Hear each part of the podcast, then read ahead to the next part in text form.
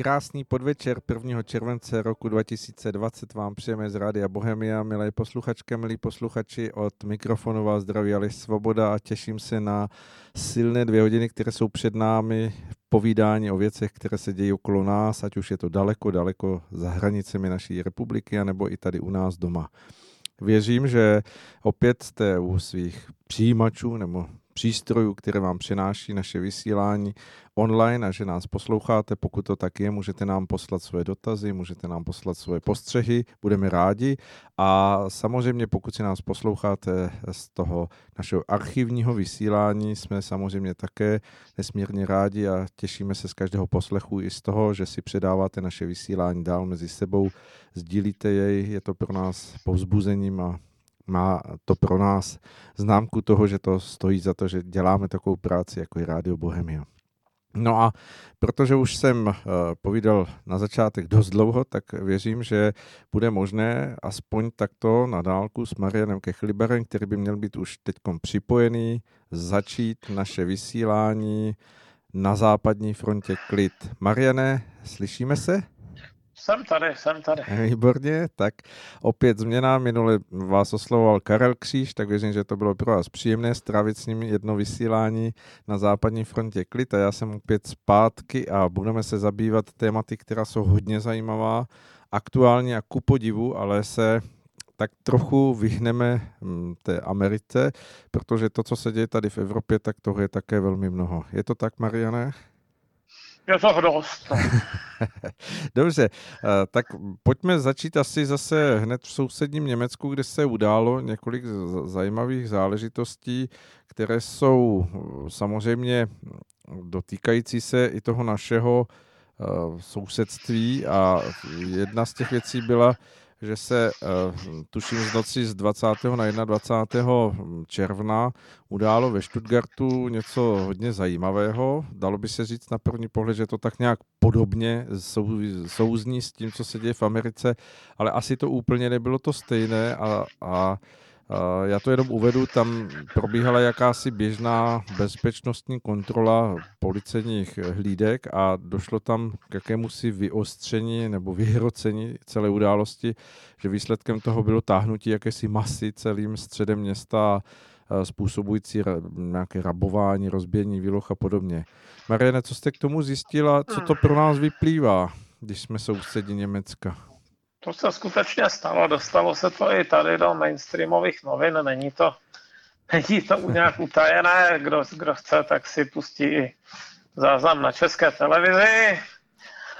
A skutečně valná většina těch účastníků byli takzvaně buď, buď cizince, nebo migracion z Hintergrund, čili lidi narození, narození rodičům, kteří se narodili v cizině, v podstatě ani není jasné, co chtěli, kromě rabování.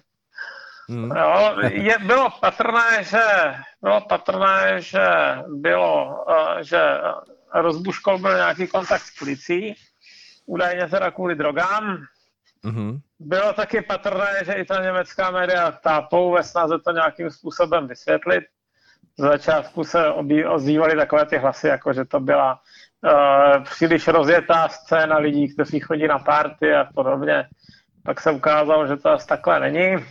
Mm-hmm. Každopádně to byla událost, která pro Stuttgart není zrovna typická. Stuttgart je ve srovnání s Berlínem takové docela klidné městečko.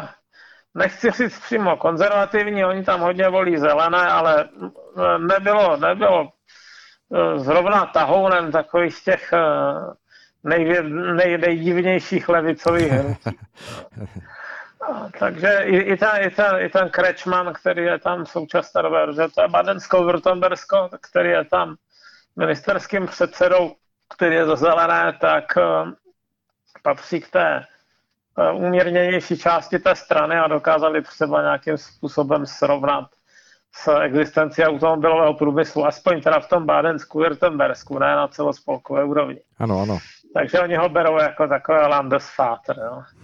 uh, tatíčka, tatíčka. Zemského tatíčka. ano. A on tomu nahrává takovým žoviálním vystupováním přátelským. Hmm. Nicméně tohle to trošku ty Němce skutečně vyděsilo. Zehofer přísahal, že takové věci se stát už nesmějí.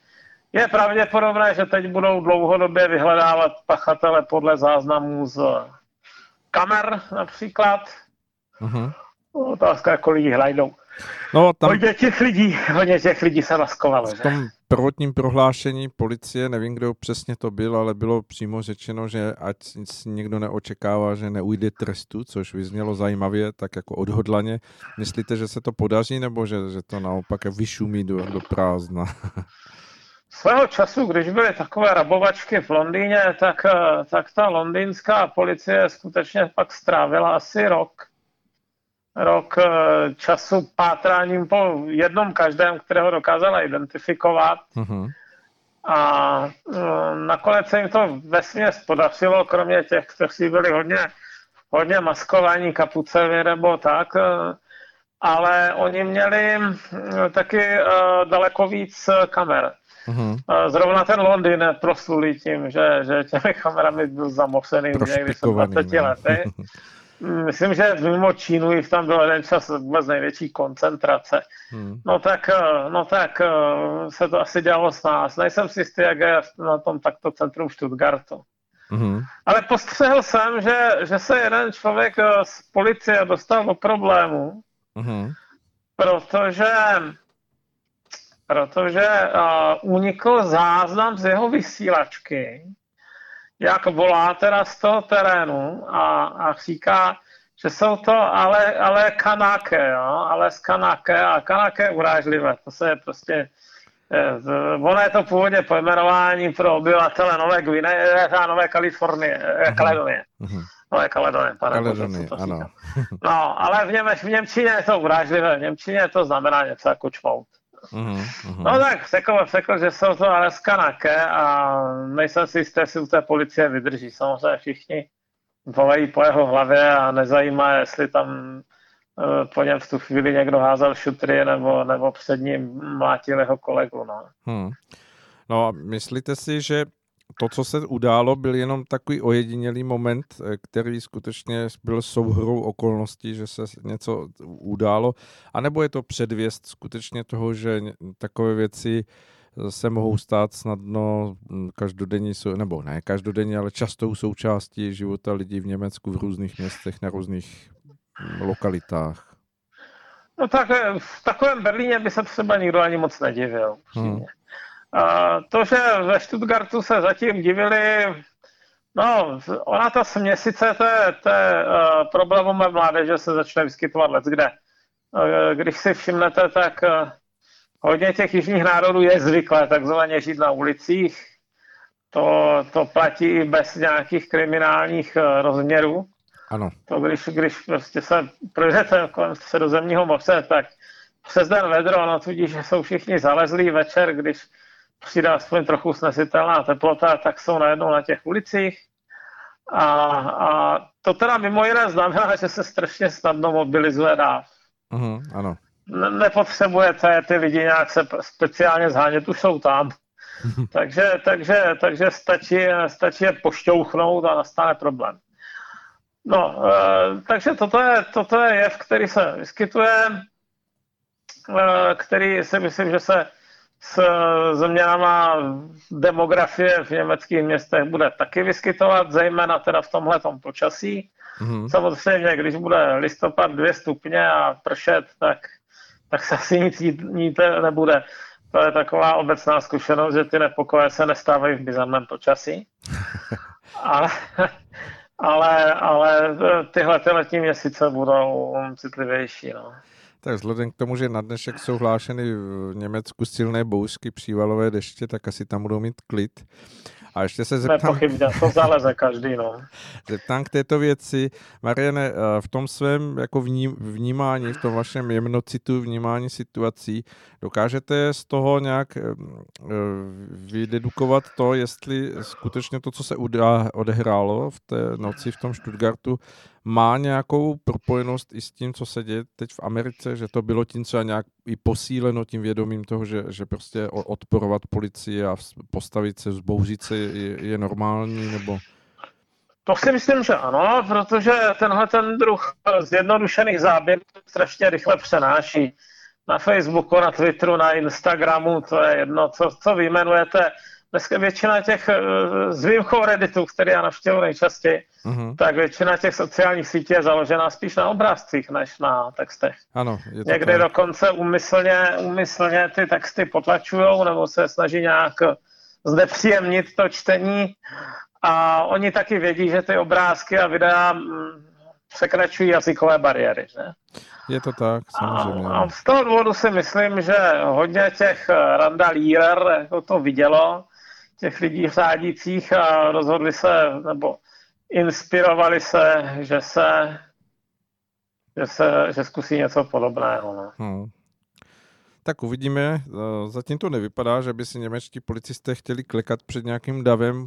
Doufejme, že, že v tom vydrží, že nebudou mít tak měkká kolena a že, že jako ten um, jakýsi německý duch, který skutečně jako je schopen, když na to přijde udržet ten ordnung, že tam převládne, nebo myslíte si, že ne?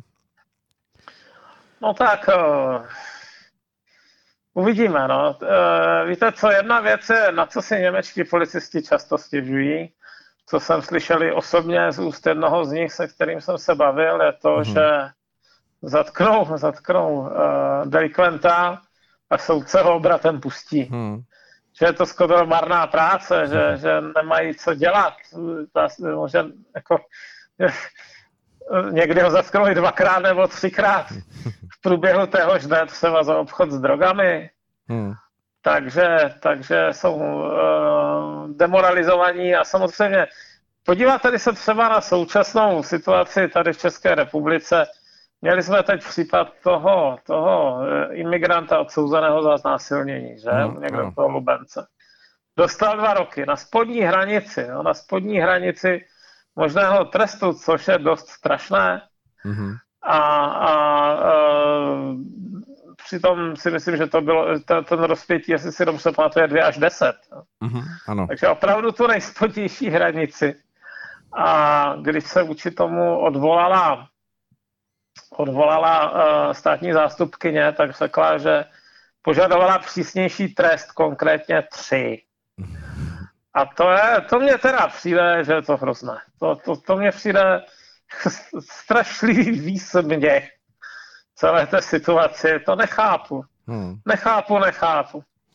Myslí, Takže... Myslíte si, že to je hm, jakási servilita nebo sebekorekce právě daná i tím, že, že lidé se tak trochu bojí jako v tom směru uh, hovořit o věcech víc napřímo a tak je tam taká, taková ta hm, samočina, nějaká hm, určitá korektura v tom přístupu? Já těm lidem do hlavy nevidím. Ne, Nechápu nevidíte. to, ale No tak jestli ten samý problém mají v některých oblastech Německa, tak, eh, tak eh, se asi ty, ty situace budou opakovat. Můžeme, můžeme zjistit, jak to bude, protože on vznikl problém nikoliv nepodobný, vznikl teď čerstvě ve Vídni. Mm-hmm, Když ano. jsem o tom psal, to bylo docela zajímavé, protože tam došlo ke konfliktu mezi na jedné straně anarchisty a, a, a Kurdy, kteří udělali nějakou pro feministickou demonstraci uh-huh. s vlajkami těch, eh, nesli mimo jiné vlajky těch syrských uh-huh. syrských uh, uskupení uh, IP a IPG, uh-huh. které teda jsou v Turecku považovány za naprosté, naprosté tabu. Vzhledem k tomu, že mají přece jenom trochu blízko k PKK. A na druhé straně byli uh, takzvaní šedí vlci, což je, což je organizace tvrdě nacionalistická, která je podporovaná právě z Turecka i tureckou vládou a která je v podstatě jako přepadla několika set členem DAVu a, a pokusila se zbít a, a zatlačila jak do defenzivy, stejně jako policii a začala vytloukat okna u toho, u toho anarchistického domu, od kterého se ta, to organizovalo ten pochod. Takže to, no a, a právě místní, jeden z místních policejních vysokých úředníků, myslím, že to byl místo předseda vídeňské policie, řekl, že považuje, no, že, že se ukázalo, že jsou až moc dobře organizovaní že během chvilky se dokázali zorganizovat v té čtvrtí favorita uh-huh. v několika z těch lidech, jenom na základě nějakého Whatsappu a podobných messagí. Uh-huh. A že, že v podstatě byli efektivnější než ta policie, která měla problém jim zabránit v tom, aby, aby teda skutečně někam vtrhli s železnými tyčemi a mlátili, co můžou. Hmm. No, takže toto bude ještě taky docela zajímavé, protože těch šedých vlků je docela dost. V sousedním Německu jich 18 tisíc, což je snad největší jako organizace považovaná za pravicově extremistickou. Mm-hmm. A, a jsou namočení do různého takového zločinu a, a vydírání a dohlížení na, na lidi, kteří by třeba neměli stejný názor a, a taková, taková špinavá prácička pro, pro ty turecké úsady, jo. Uh-huh. Uh-huh. Protože, protože uh, turecké úsady se snaží nějakým způsobem udržovat kontrolu nad tureckou populací v cizině, nejčastěji teda přes organizace, jako je uh, jako jsou pobočky uh, náboženského úsadu Dianet, ale mají samozřejmě více možností, taky mezi to patří nějaké motorkářské gengy, Eh, na Osman se jmenují například v Německu. Z těch snad část jako ani neumí jezdit na motorce, jo. Ale, ale, ale hrajou teda roli vymahatelů, vymahatelů nějakých tabů nebo naopak zákazů. Taky s nimi už byla sada problémů, taky už tvoří nemalou část eh, německých věznic. No, takže, takže ti šedí vlci, ti budou ještě zajímaví, protože uh, jsou přece jenom citelně uh, v přízní turecké vlády. Dokonce turecký velvyslanec pronesl projev, který byl naprosto jednostranný, takže, takže ho si tam povolali na kobereček v Rakousku. Ještě není jisté, si ho náhodou nevyhodí. A, a na druhou stranu eh, přibývá těch utečenců kurdských. Teď třeba varoval jeden izraelský expert, že hrozí uh, vyhnáním přes milionů Kurdů ze Sýrie, uh-huh. že taková ta, taková ta hraniční zóna, o kterou, kterou by Turci nejradši v podstatě etnicky vyčistili, takže tam stále ještě přes milion Kurdů. A že patrně bude nějaká snaha které je, je dostat do Evropy, aby si to tamto území mohli rozdělit Turci a Arabové. Uh-huh. No a tak samozřejmě ti, pokud se sem teda skutečně dostanou, což je já není jisté, tak eh, se nejspíš taky zase usadí v oblastech, kde je velká kurdská populace, což je zase Německo, Rakousko, a asi se tam budou s těmi šedými vlky dostávat opatrně, o, opakovaně do konfliktu. Takže se nám přenese nejenom turecký konflikt, turecko-kurdský, ale vlastně i syrsko-kurdský, arabsko-kurdský, myslím si, že se dá čekat eh, podobné, podobné události. No.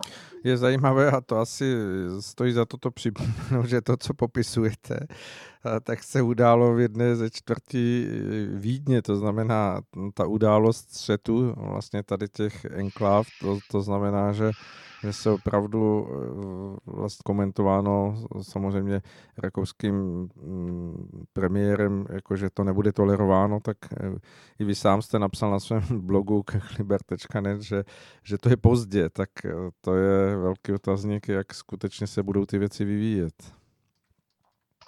No, no to si myslím, že je opravdu už tady pozdě. Hmm. Že, že ty mm, konflikty byly importovány a teď jenom otázka, jak je udržet eh, v rozsahu, který nepřekročí, řekněme, no nedosáhne meze nějakých jako pseudoválečných, hmm. a, protože přece jenom uh, obě ty skupiny obyvatel, které v tomhle případě kurdové a Turci, kteří tam jsou, tak uh, mají velmi uh, silnou motivaci se nenávidět. Ano. Neustále tím pronikají čerstvé informace, co se, co se stalo v jejich zemi a kdo komu jakým způsobem ublížil nebo ho urazil. Hmm. A, a pak na sebe na těch ulicích narážejí. Samozřejmě, ano. Takže, no, takže, takže toto by se dalo přetrhnout v podstatě jedině tak, že byste tu další generaci vstřebal natolik, že už by ani neovládala kurčtinu nebo turečtinu. Pak je to přestane zajímat, protože tomu nebudou rozumět. V překladu už to není ono. Ale, no. ale zatím nevidím, že by se něco takového dělo. Tak ty zkušenosti ukazují, že, že i když se to z části může podařit, tak ve chvíli, kdy dojde k nějakému hm, dejme tomu zhoršení těch podmínek, které jsou v té nové zemi, tak samozřejmě to upnutí se zpátky na jakési historické odkazy, že dříve bylo lépe a znovu se oživí ta, ta jakási příslušnost k tomu dřívějšímu kořenu, tak, tak to je velice uh, vždycky slabé místo. To se no ty emigrantské komunity bývají často mnohem zaseklejší v minulosti než uh, samotný národ, který opustili. Jo. To, to vidíte v banálním Benigně, jo, ale, ale vidíte to i, i v těch českých komunitách v Banátu. Ano. Oni jsou daleko starosvědčtější, víc věřící, víc zdvořilí, víc, víc sociálně uspořádání podle vzoru toho 19. století, které opustili. I mluví takovou starší češtinou, že archaičtější. Ano. Kdežto, kdežto tady mezi tím ta, ta kultura prošla několika obraty a zase už je někde úplně jinde. Mhm. A jsou z toho i drobné konflikty, když tam pak přijedou nějací naši turisti a sice mluví obě ty skupiny česky, ale ti turisti se se tak nevědomky rouhají, protože už to nevnímají, že? Uh-huh. Jsme ateistická země, takže nějaké pane bože nás tady nikoho neurazí, no málo koho a, a tam je to teda jako pro některé důvod, lidi s důvodem k velkému znepokojení. Že někdo používá takové výrazy, že bere, že bere jméno boží nadarmo, no to samé se týká oblečení různých krátkých sukní a odhavujících topů a které jsou tady víceméně normální a člověk jich potká do hodiny 10, když je leto a tam to třeba měsíce neviděli, no tak eh, je to šokuje. Hmm. Tak no ale... a to samé se týká muslimských eh, komunit eh, v západní Evropě snad s výjimkou Iránců, uh-huh. kteří, kteří jsou převážně teda utečenci před, před Islámskou republikou, ale takové ty turecké a marocké komunity, ty teda rozhodně jsou dost konzervativní a a dokonce, když už jdou Turci k volbám, tak ve větším procentu volí v Německu nebo ve, v, v Nízozemí nebo v Rakousku nebo ve Švýcarsku Erdogana než Turci v Turecku. Ano, ano. Hmm. No tak uvidíme, no. Možná, když by byl takový odkaz na historii, tak jak jste to popisoval u těch, u těch uh, u toho příkladu těch staročechů, tak by to možná bylo daleko lepší, než když se potkají kurdové z Turky ve Vídni na nějakém předměstí. No. No to určitě. Dobře, Mariane, dáme si skladbu a budeme pokračovat v našem mm, tady kroužení po Evropě. Tak, vítejte zpátky v mluveném vysílání, které máme spolu s Marianem Kechlibarem rozeběhnuté právě v pořadu na západní frontě klid. A já se zeptám, Mariane, jste na, stále na příjmu? Jsem tady stále. Výborně. Eh, my zůstaneme ještě chvíli v Německu, nebo víceméně budeme hovořit o Německu a mm, asi bude zajímavé, co tady teď přečtu do úvodu toho našeho tématu, ke kterému se dostaneme. Je to šest takových bodů. Je tam překonání důsledků koronavirové krize v dlouhodobém horizontu a ekonomické a sociální oživení, Evropa silnější a inovativnější, Evropa spravedlivá, Evropa udržitelná, Evropa ve znamení bezpečí a společných hodnot, Evropa jako silný aktér na světové scéně. To je šest témat, které si přináší do svého předsednictví, které teď začalo dnešním dnem a bude trvat až do 31. prosince právě Německo. Co si po ní představujete, Mariane, po těmito šesti body ve vztahu k tomu, co se děje a co jsme ji hovořili před chvílí? Já si myslím, že jeden z těch bodů byl v anglickém překladu opravdu něco jako Make Europe Strong Again, což eh, teda vůbec nevypadá jako vykrádečka Donalda Trumpa. Ale eh, jako reálně za to toho tolik ti Němci stihnout nemůžou. Merkelová je na konci své kariéry. Pravděpodobně nevezme zpátky to své rozhodnutí, že, by, že, že už nebude kandidovat, že příští volby jsou za roka něco, že? Ano. To, myslím, že to musí být nejpozději koncem září 21. A e, tam bude strašně zajímavá otázka, jak dopadne, jak dopadne volba nového šéfa CDU CSU, protože to se, to se teď mělo sešit před koronakrizí mm. a v rámci koronakrize se to odložilo na konec roku a bude to docela boj. Zamíchat s žebříčkem těch lidí podle toho, co se od nich očekávalo. A jsem zvědavý, jestli, jestli teď teda další vývoj teď právě v rámci vyjednávání eh, s tím zamíchá znova. Mm-hmm. A každopádně, to, co určitě nejsilnější téma, které budou muset obtížně řešit, je uh, otázka toho, jak uh, naložit s, s těmi fondy na obnovu evropské ekonomiky. Uh-huh. Ano, ano. Těch peněz je přislíbeno hodně, stovky miliard eur sádově, které se mají částečně pokrýt z nějakých dosud neexistujících daní. Takže už jenom eh, zatím, zatím jsou to, zatím je to Geistergeld, jo, jak, jak, jak psali nedávno v, v, v Veltu, je to takové Taky peníze duchů, přelud, protože přelud. Ještě, ne, ještě nejsou vybrány. Ano. Takže to je jeden problém. Druhý problém je, že zdaleka teda nezavládla jednota ohledně toho, jak se to bude skutečně realizovat ty menší státy jako Dánsko a Nizozemsko mají velké námitky vůči tomu něco těm Italům jen tak dávat. A, a uvidíme, s jakým kompromisem teda se nakonec přijde, protože ta obava, ta obava ve, právě v těchto státech, že to tam posílí, řekněme, euroskeptické tendence je značná. Uh-huh. Nizozemí už má tak eh, docela živou euroskeptickou scénu. Není tam sám ten Wilders, jsou tam dva ještě tam Thierry Bode, to je jeho strana Forum for Democracy. A současná, současná nizozemská vláda má nejtenčí si myslím možnou většinu jednoho hlasu, 76 ze 150. Uh-huh. Takže, takže jí neustále hrozí nějaká destabilizace. A oni už měli trošku problémy po té, co začali zavádět nějaké myšlenky jako na, na na daně ekologické a na, na silnou podporu alternativních energií.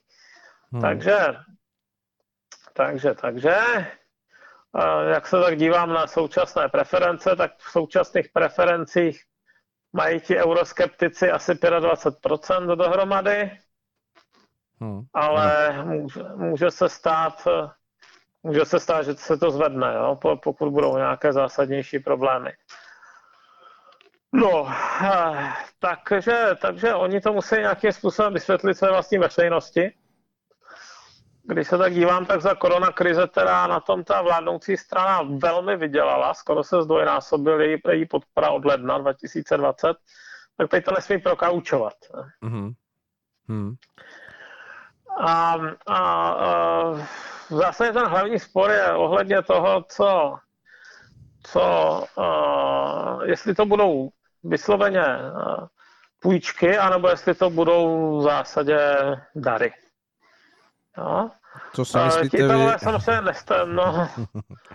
Ale dovolil bych si vyjádřit názor, že to bude, bude fakticky dar, který se bude tvářit jako půjčka. To je takový, takový typický eurokompromis, který se nabízí. Jo.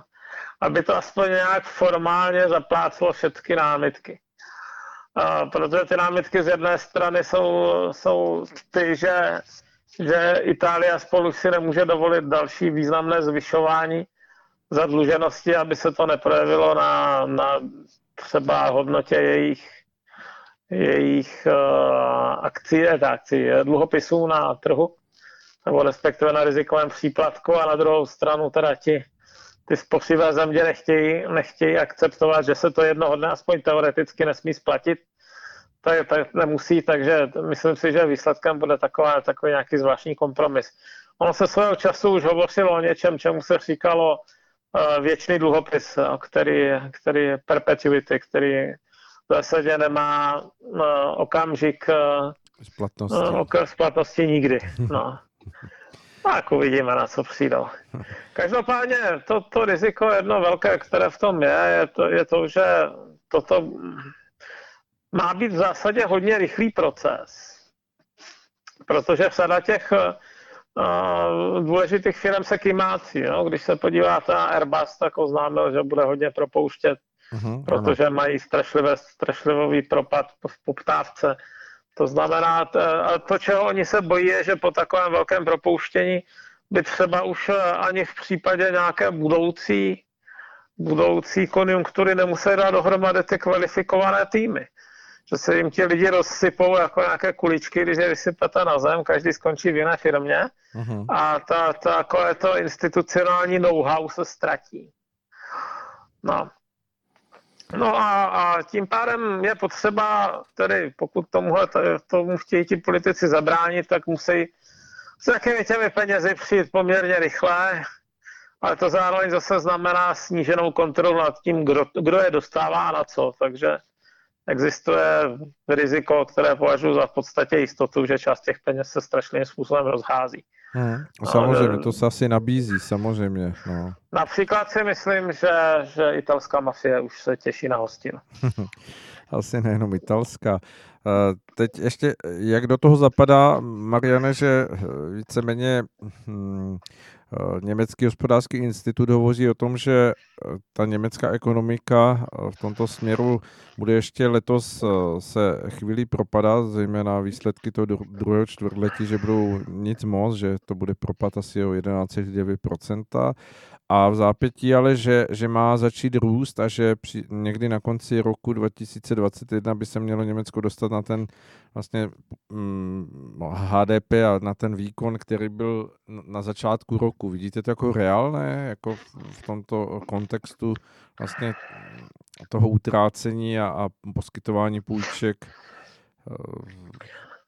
Tak Evropa není na světě sama, není to rozhodující, eh, rozhodující ekonomický region, v současné době není v podstatě žádný uh-huh. rozhodující region. Máte tady, máte tady eh, minimálně tři významné oblasti, Spojené státy s Kanadou, pak teda jihovýchodní Asii a pak Evropu.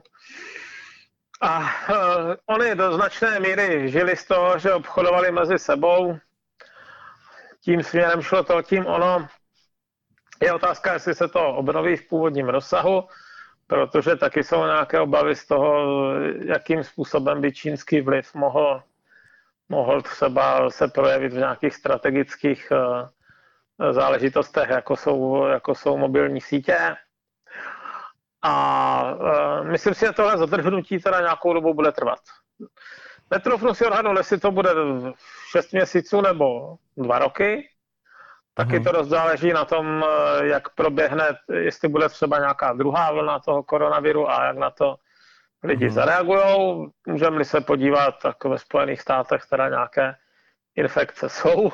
Ano, ano. Čili, čili skutečně, skutečně ten problém uh, vypadá, že, že udělá ještě aspoň jednu vlnku. Otázka, jestli jsme na ní teď momentálně líp připraveni jestli, jestli třeba umíme rychleji vystupovat případy nebo lépe rozhodnout, jakým způsobem ty lidi léčit. Nemilím-li se, tak se teď třeba těž, řeší otázka, jestli ty ventilátory, o kterých se hovořilo jako zachraňujících uh, uh, přístrojích, jestli ve skutečnosti situaci těch nemocných nezhoršují. Uh-huh. No tak uh, uvidíme, ale, ale rozhodně ještě nějaká taková disrupce hrozí. Mimo jiné má být povoleno Američanům cestovat do Evropy, takže nejspíš, nejspíš i naopak. Uh-huh. A, a už jenom tohle nějakým způsobem podvazuje tu mezinárodní ekonomickou aktivitu. Ne všechno vyřídíte osobně. To ne všechno vyřídíte na dálku. Uh-huh. Takže, takže to je jedna věc. Druhá, my tady jsme poměrně dost. Nezanedbatelným způsobem je prosperita střední Evropy spojená s automobilovým průmyslem. Ano, samozřejmě. Tady v České republice a v Maďarsku je to snad ještě výraznější než to v Německu samotném. No, I Slovensko má poměrně silný I Slovensko. Slovensko na tom dokonce možná snad nejhůř. Ano, ano. To, to, je, to je, tam jsem docela zíral, no, jaké, o jaké hodnoty se jedná, když jsem to četl. A přitom auto je v podstatě přesně to, kde můžete nějakým způsobem prodloužit životnost vozidla, Eh, pokud eh, potřebujete šetřit. Uh-huh. Do nákupu nového auta se i firmy, i lidi pouští spíš v situaci, kdy je konjunktura a kdy se nebaj, nebojí o další příjmy. A tenhle ten vzorec se v podstatě opakuje už od 20. let 20. století. už tehdy v té silně automobilizované Spojených státech amerických bylo tady tenhle proces naprosto zřetelně vidět. Jakmile, jakmile poklesly, poklesla ekonomická aktivita, tak si lidi začali opravovat auta po domácku a nekupovali nové. Takže dneska teda asi neopravíte auto po domácku, na druhou stranu jsou, mají daleko větší výdrž, eh, takže, takže udržet auto v provozu 10-15 let není takový pro, problém, i když byste se v konjunktuře vyměnili už za 6 nebo za 7. Jediné, co, co se může snažit eh, stát, je nějakým způsobem skrz ekologické, ekologické zákony vynutit eh, zákaz jejich používání. A, a, ale ani ten stát nedokáže tohleto vynutit úplně, pokud ti lidi na to prostě nemají peníze. Je to tak, protože samozřejmě si zase obrací proti sobě ty sociálně slabší vrstvy, které také chtějí cestovat a je v tom samozřejmě mnoho, mnoho otázek. Tak, no a myslím si, že právě ten pokles odbytu, odbytu aut se tady musí docela výrazně projevit. Hmm. No to už se tuším projevuje, protože ono to ten dominový efekt asi bude začínat jako pozvolna, ale přesto, přesto přijde, takže je otázkou, jak ty odhady těch institucí nejrůznějších, které vychází z těch předpokladů, skutečně počítají s tím, kam až jakoby to padání toho domina doběhne. Jak, jak se vůbec jako díváte na to v tom celosvětovém měřítku, protože samozřejmě ten koronavirus se jakoby nevyhýbá jako všem zemím. No víte, eh, já si myslím, že ty predikce jsou trošku zavádějící. Respektive, že je to takové cvičení marnosti, exercise in futility. tak se občas říká v angličtině. Vezměte si predikce, dejme tomu ze začátku ledna. Se to jste mohli roztrhat. No? Ano, je to k ničemu, naprosto. Tak, no a, a proč bychom měli přesně věřit tomu, že predikce z července budou v říjnu ještě platit? Hmm, ano. Tak je to takže, tak... takže takhle, ale lidi chtějí jakoby mít nějaké sliby, co bude v budoucnosti, ale, ale uh, moc se už neptají, jak u těch jednotlivých proroků ta jejich slova vlastně dopadla. No a když se vrátíme k tomu německému předsednictví v té radě EU, eh, kde vlastně to bude probíhat teď až do konce roku, Může v té své pozici Německo hm, prosadit nebo udělat jako tak, aby skutečně tou je, tímho potenciálem, který asi pořád je jeden z nejsilnějších v Evropě, eh, dokázalo ně, něco, ně, nějaký výhled nebo nějakou podporu toho hm, určitého většího optimismu přinést, nebo si myslíte, že to vůbec nebude hrát roli to předsednictví? Pokud, eh, pokud budou eh, dostatečně brát v potaz zájmy jednotlivých států, tak určitě ano. A já se tam ještě jedna daleko pro nás citlivější téma, které, což je zase snaha o zavedení společného evropského asilového systému. Ano, no. A mm, tam už si myslím, že asi postřehli, že nedokážou vynutit úplně celoplošné přerozdělování a a nejspíš, bude, nejspíš budou nabízet nějaké ústupky typu podílet se na vnější ochraně hranic. Takže tam je docela důležité to v případě vyjednat dobře, aby, abychom nedopadli tak, že, že se tady doma prsíme a výsledek bude pro nás nepříznivý. Hmm, hmm. No, to se asi ukáže postupně, jak, jak ten potenciál vůbec toho předsednictví, jestli se hrává nějakou roli, nebo je to jenom jakési, jakási platforma, k tomu asi pořádali nejrůznější konference s, úvahami a s vystoupeními. To se ukáže. A hmm. uh, Pojďme ještě k tomu důležitému momentu, který se teď udál o víkendu a který byť uh, samozřejmě si nepostřehli mnozí, protože to byly jenom místní volby ve Francii, ale přesto tam zazněl zajímavý signál, protože uh, Macronová strana, která jinak jako byla poměrně pořád jakoby viditelná, vnímatelná, tak tam utrpěla poměrně jako silný uh, debakl, co se týká v regionech, kam se snažila proniknout a kde ale ve výsledku nezískala mnoho postů v těch místních volbách, a, ale naopak se tam objevili ve Francii zelení, jako ve, ve viditelném. Ve velkých městech, no, ano, ve velkých, městech. městech citelně, citelně vyhráli Asi je to, nebo citelně posílili, asi je to důsledek, důsledek toho, že jsou velmi populární mezi studenty a mladými obecně. Hmm. A Macron teda, Macronová, Macronovi se v podstatě nepodařilo žádnou velkou stranu vybudovat. To jeho hnutí An Marš vždycky trpělo nedostatkem osobností. Mm-hmm. A teď se to docela výrazně projevilo. Ono je to, je to prostě hnutí jednoho muže, podobně jako u nás, ano. Jenom založené na trošku, trošku uh, jiném principu. Mm-hmm. A, a uh, zdá se mi, že Macron vedle sebe příliš nestrpí jiné, jiné kvalitní lidi. Takže, no a samozřejmě nemůže sedět všude, zejména nemůže sedět uh, nikde na magistrátech jako, jako desetinásobný primátor, takže tam nasazoval do akce lidi nepříliš, buď nepříliš známé, nebo nepříliš zajímavé a hmm. tomu odpovídal jeho poměrně skrovný úspěch. Hmm. No ale co ti zelení, jako, jak to vnímáte, ten, ten signál? Je to známka toho, jak vy říkáte jenom, že mm, volili mladí lidé, anebo že tam je mm, skutečně ten moment toho, protože ruku v ruce s tím přístupem k životu, co se týká toho určitého zeleného náhledu, je jakási levicovost, jako vnímáte to, že to že to bude hrát roli nebo ne eh, v té Francii, která vždycky byla taková revoluční? Ale ta francouzská zelená levice je takový, takový zvláštní případ. Oni jsou například opravdu posedlí antivaxem. To je asi eh, největší koncentrace antivaxerů, si myslím, která je v eh, západní Evropě, tak je ve Francii. A zrovna v těch, těch progresivně zelených kruzích. Mm-hmm. Takže bude ještě zajímavé sledovat teda dopady na, na francouzský zdravotní systém, když dejme tomu přijde, přijde uh, nějaká uh, vakcína vůči, vůči COVID-19, tak tak zda se, zda se teda ve Francii bude aplikovat a jakými způsoby se ji pokusí ta vláda prosadit proti tomuto nyní ve svém sebevědomí značně posílenému hnutí. No tak to bude zajímavé sledovat takhle z dálky. Druhá věc je uh, žluté vesty, které se přesně rekrutovaly z té opačné části populace, z té konzervativní venkova. Uh-huh, ano. tak uh, vlastně vznikly na základě uh, zvýšení daní na, na fosilní paliva. Ano, přesně tak. A přitom to jsou přesně ty politiky, které zase teda pro zvěnutí velkoměstští zelení prosazují.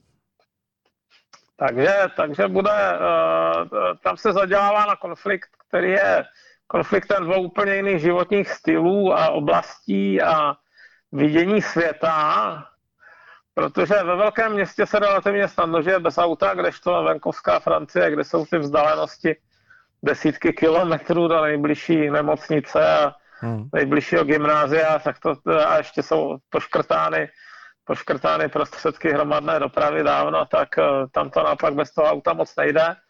A v zemi, kde 10% tuším lidí je na minimálním mzdě, tak je, tak je to už k nepřežití. Hmm. Tak.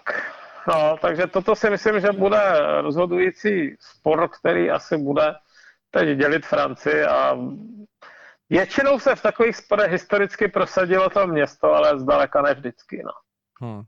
No a když to zase spojíme s určitou, já nevím, ekonomikou nebo nějakým přístupem k hospodaření, tak víme, že ta levicová nebo zelená politika vždy pracuje s určitým Eh, volnějším přístupem k nějakému zadlužení, protože se očekává, že ten přínos, eh, který přichází v tom životním prostředí, že je důležitější. Myslíte si, že to bude znamenat eh, tlak těch měst nebo určitých mm, ideí, které tam o to budou vycházet na to, aby se Francie ještě více zadlužovala, že, že aby vlastně směřovala do té dluhové pasti, ve které už nepochybí. No, se v současné době zadlužuje stále ještě nějakým tempem. No, pořád dohání uh, Itálii, no. No, na procenta dohání, ale myslím si, že na objem toho, toho dluhu uh-huh. už eh, ho překročila. Aha. Já se schválně podívám na dead, dead clock, ale myslím si, že uh, jedna věc je tedy procento HDP, no tak tam má Itálie naprosto jednoznačný skok, to jo ale podívám-li se na absolutní velikost toho dluhu, tak francouzský dluh je o 18 miliard euro větší. No. Hmm. Teď se dívám na, na takové ty eh, dluhové hodiny. Vidím, že teda, že teda hojně narůstá. Otevřel jsem to asi před půl minutou. Za tu dobu si Francie stihla půjčit skoro milion korun. no, tak uvidíme, co bude za pět minut. no, dokonce to teď z hlediska absolutní velikosti koule. Největší dluh v celé eh, eurozóně. Hmm. Němci mají procentuálně mnohem nižší dluh, ale protože je to větší ekonomika, tak samozřejmě eh, je větší absolutně, ale i tak jsou už třetí teda za Itálií a za Francií. Uh-huh. A za tu dobu teda, co spolu mluvíme, tak teda Francie si půjčila 3 eh, biliony korun a Němci zhruba 700 tisíc platili, takže, takže ty trendy nejsou v prospěch Francie. Koukám, že je to minuta a něco, no. Hmm, to je hezké. Tady odpočet. No to je zajímavé, no. Podívejte se, European Dead Clock. Zkuste si to vygooglit a jenom se dívejte, jak to běží. Tohle to je neudržitelné. To, to si myslím, že bylo neudržitelné i za normálních okolností. A, a potom covidu si teda myslím, že dosáhneme ještě, ještě daleko větších extrémů. No a myslíte, že na to může mít i vliv nějaký přístup, který třeba bude ignorovat, dejme tomu, tu, tu faktickou situaci, nebo že vy, vyhraje nějaký zdravý selský přístup eh, k tomu, eh, dejme tomu, aspoň nějaké reality? Hele, realita se dlouhodobě ignorovat nedá, ale neznamená to, že by se to lidi dlouhodobě pokoušeli. Uh, myslím si, že historie je plná záznamů o tom, jak realita nakonec zvítězila nad ideologií a co všech, jaké všechny efekty to, uh, to provázely. A myslím si, že zrovna teda zadlužení, které... Eh, my jsme se tady pustili do teritoria, které nikdy nikdo dříve neprochodil. Toto, toto, toto je... Eh, když, když se dluhy dost, když jste stát, státy dostávali do dluhu, tak to obvykle bylo z, do velkých dluhů, tak to obvykle bylo, by, byla válečné dluhy. Mm-hmm, a, a samozřejmě ti poražení pak měli ještě zcela jiné starosti. Ano, splácení reparací a podobně. Ano, často to, často teda zrušili měnu a nahradili jinou, nebo ji pak tiskli s devíti nulama, takže se zrušila sama. A, a na druhou stranu ti vítězové pak měli sice třeba taky za sebou škody, ale na druhou stranu byli v tu chvíli dominantní na tom kontinentě a mohli si třeba užívat toho, že, že vysadili nějaké konkurenty. Uh-huh, ano. Buď, buď teda přímo fyzicky, nebo skrz nějaké nevýhodné smlouvy. A teď máme situaci, že nic takového nebylo. Dluhy rostou a stejně tak roste, roste procento obyvatelstva, které je závislé v nějakém smyslu na na státním rozpočtu nebo na veřejných prostředcích, včetně teda lidí pobírajících důchod a nevidím, jak by tohleto se mohlo trvale udržet. Hmm. Jediné, co, co by se snad mohlo stát, kdyby někdo začal vyrábět obrovské množství robotů pracujících zdarma. No. To, to, to jako v nějakém smyslu se to třeba stalo. Když takhle komunikujeme, tak tam taky nesedí nějaká spojovatelka, která by spojila náš hovor, udělal to automat. Takže třeba v té telekomunikační uh, oblasti se to stalo, ale uh, pochybuji, že by se to mohlo stát třeba v rámci péče o starší lidi v nějakých, nějakých dlouhodobých léčebnách a domovech a podobně. To, to si myslím, že zatím neumíme. Hmm. Je to tak a je to samozřejmě velká otázka, jak, jak v tomto směru balancování toho, toho, co je možné a co, co je nějakým způsobem vysněné pro tu společnost, která skutečně se odchyluje od té, od té vazby k, nějaké konkrétní práce, co z toho vyplyne.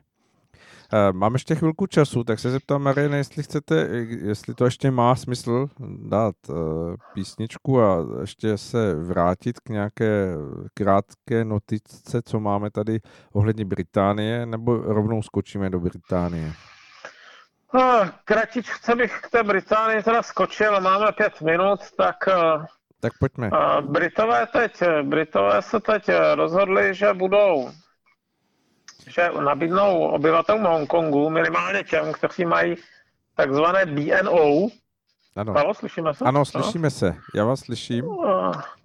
V zásadě v době, než, než, přešla, než přešlo Hongkong do čínské sféry vlivu, by v, té, v tom režimu jedna země, dva systémy, tak existovala možnost u, u obyvatel Hongkongu požádat si o takzvaný British National Overseas Passport, což je v zásadě britský, britský pas pro neobčany, ale občany dominií a kolonií. Mm-hmm. A ono si, ono si o něj požádalo asi... Asi 3,5 milionu, myslím, že to je. Teď. No, takhle. Ono se jich požádalo podstatně méně teda, jo, mm-hmm. ale, ale teď se dívám, že jich je asi, že celkově jich teda na světě asi 3 miliony a a, kteří by měli nárok třeba na obnovení a že v tom Hongkongu jich je Eh, na nejvýš pár set tisíc, uh-huh. ale uh, on by na to měl nárok snad i, snad i člověk, který je třeba jenom manželem nebo druhem to někoho, kdo to má. A, a možná i děti, což není úplně jisté. Uh-huh. A teď teda ta, ta vláda Borise Johnsona v rámci toho, že Čína tam dneska zavedla ta, ta zákon o národní bezpečnosti, tak eh, právě eh, konzervativci oznámili, že minimálně držitelům těchto pasů a možná i některým dalším umožní, umožní se přestěhovat do Británie bez komplikací, že dostanou pět let pracovního, pracovního víza a pokud za tu dobu teda neudělají žádné problémy, tak že budou mít zkrácenou cestu k občanství. Uh-huh. No tak je otázka, kolik lidí to využije. Samozřejmě Hongkong má kolik? 7 milionů obyvatel. Dejme tomu, že by to mohlo využít 100, 200, 300 tisíc lidí, to je možné. Uh, jiná věc je, kde v té Británii dát, protože Británie je přece jenom hustě osídlená a už teď je tam nedostatek, nedostatek ubytovacích kapacit a podobně. Ostatně zrovna Johnson teď teda prohlásil, že budou stavět, stavět a stavět. Mm-hmm. Tak jsem zvědavý, jestli do jaké míry překoná veškerý ten právní odpor těch lidí, kteří nechtějí, aby se stavilo cokoliv v jejich okolí, ale, mm-hmm. ale je pravda, že už teď je ta Británie natolik přelidněná, že, ta, že ceny nemovitostí šly šíleně vysoko a, hmm. a že je potřeba to nějak skrotit. Hmm. No a když se vrátíme k tomu Hongkongu samosta, samotnému, mm, ten zákon, který teď vstoupil v platnost, mm, popišme, jestli to můžeme v krátkosti v těch několika málo minutách, co nás bývá, přiblížit lidem, co to, co to vůbec znamená. To... Myslím si, že to v zásadě znamená to, že, že hongkongští občané můžou být za činy, které udělají v Hongkongu, uh, být souzeni podle stejných principů jako, jako Číňané v Číně. Jako v centrální Což znamená, Číně. No. ano, no, ano, to mainland China, no. ano. A že v Hongkongu vznikla pobočka tajné policie. No. Uh-huh. Čili takové to politické. Takže, takže v zásadě bych čekal, že každý, kdo se ozve proti, proti soudruhovití, takže bude mít ten samý problém, jako kdyby to byl uh, Číňan z Číny. Hmm. Takže ta eh, stávající určitá hm, přeci jenom jako doznívající demokracie, která tam byla eh, vlastně potom odeznění té kolonie eh, Velké Británie, takže myslíte, že to utáhnutí těch šrobů, že je teď opravdu takové, že to do, dosahuje toho klasického nastavení čínského režimu? Myslím si, že to je cíl a že po nějaké přechodové době toho taky dosáhnou.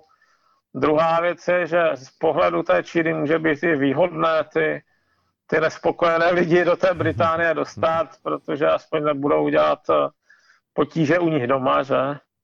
A to je takové, tohle je postup, který, se, který uplatnil svého času Chomejny v Iránu, na rozdíl od bývalé Československé socialistické republiky, kde jste přece pro vycestování na západ musel být docela lojální, ještě, ještě nechtěli pustit vaši, vaši rodinu a podobně. No tak, eh, no tak eh, v Iránu řekl ten Khomeini, že kdo nemá nervy na islámskou revoluci, tak ať vypadne. Ono to taky pár milionů lidí uh, využilo uh-huh. této nabídky a on se tím pádem zároveň zbavoval nebezpečného disentu, že? Hmm, ano, ano. No, a myslím si, že ta Čína to v případě Hongkongu bude chtít postupovat stejně. Pro ně je výhodnější, aby ti největší nespokojenci tu, tu oblast opustili, Číňani mají obyvatel dost, takže dosídlí někým jiným.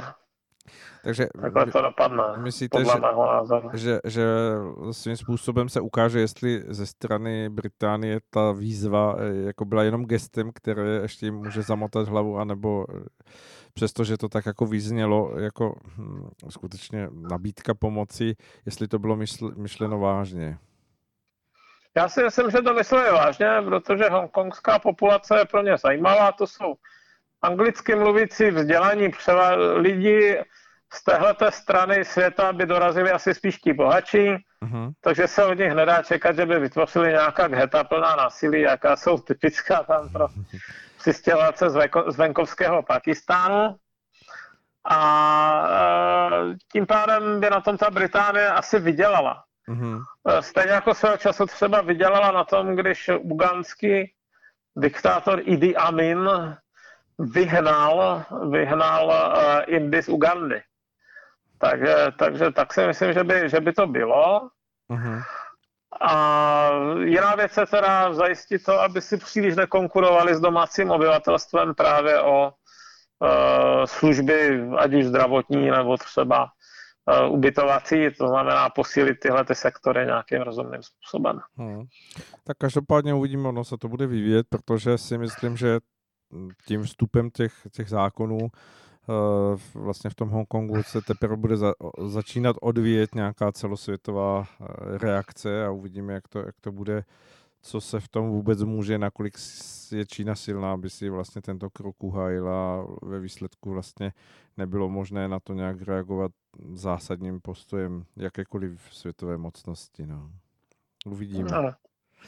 Dobře, Mariane, už jsme dorazili na ten břeh toho, toho našeho konce vysílání, takže já vám velmi děkuji, že jste věnoval čas našemu rádiu zase s těmi svými brilantními postřehy a souvislostmi, které málo kdo je schopen uh, nějakým způsobem, když čte zprávy nebo zachytává nějaké informace, vůbec si dávat dohromady, za což vám platí veliký dík. A moc děkujeme, naslyšenou. Naslyšenou. Tak, eh, milí posluchači, zůstaňte u svých přijímačů, protože vám teď pustíme na chvíli jenom skladbu, abychom mohli vyměnit tady ve studiu nastavení a mohli přímo hosta, kterým bude Jaroslav Kuchař, eh, který už se těší, že spolu se mnou bude hovořit o tématech, které se trošku víc budou týkat možná i naší České republiky. Zatím naslyšenou.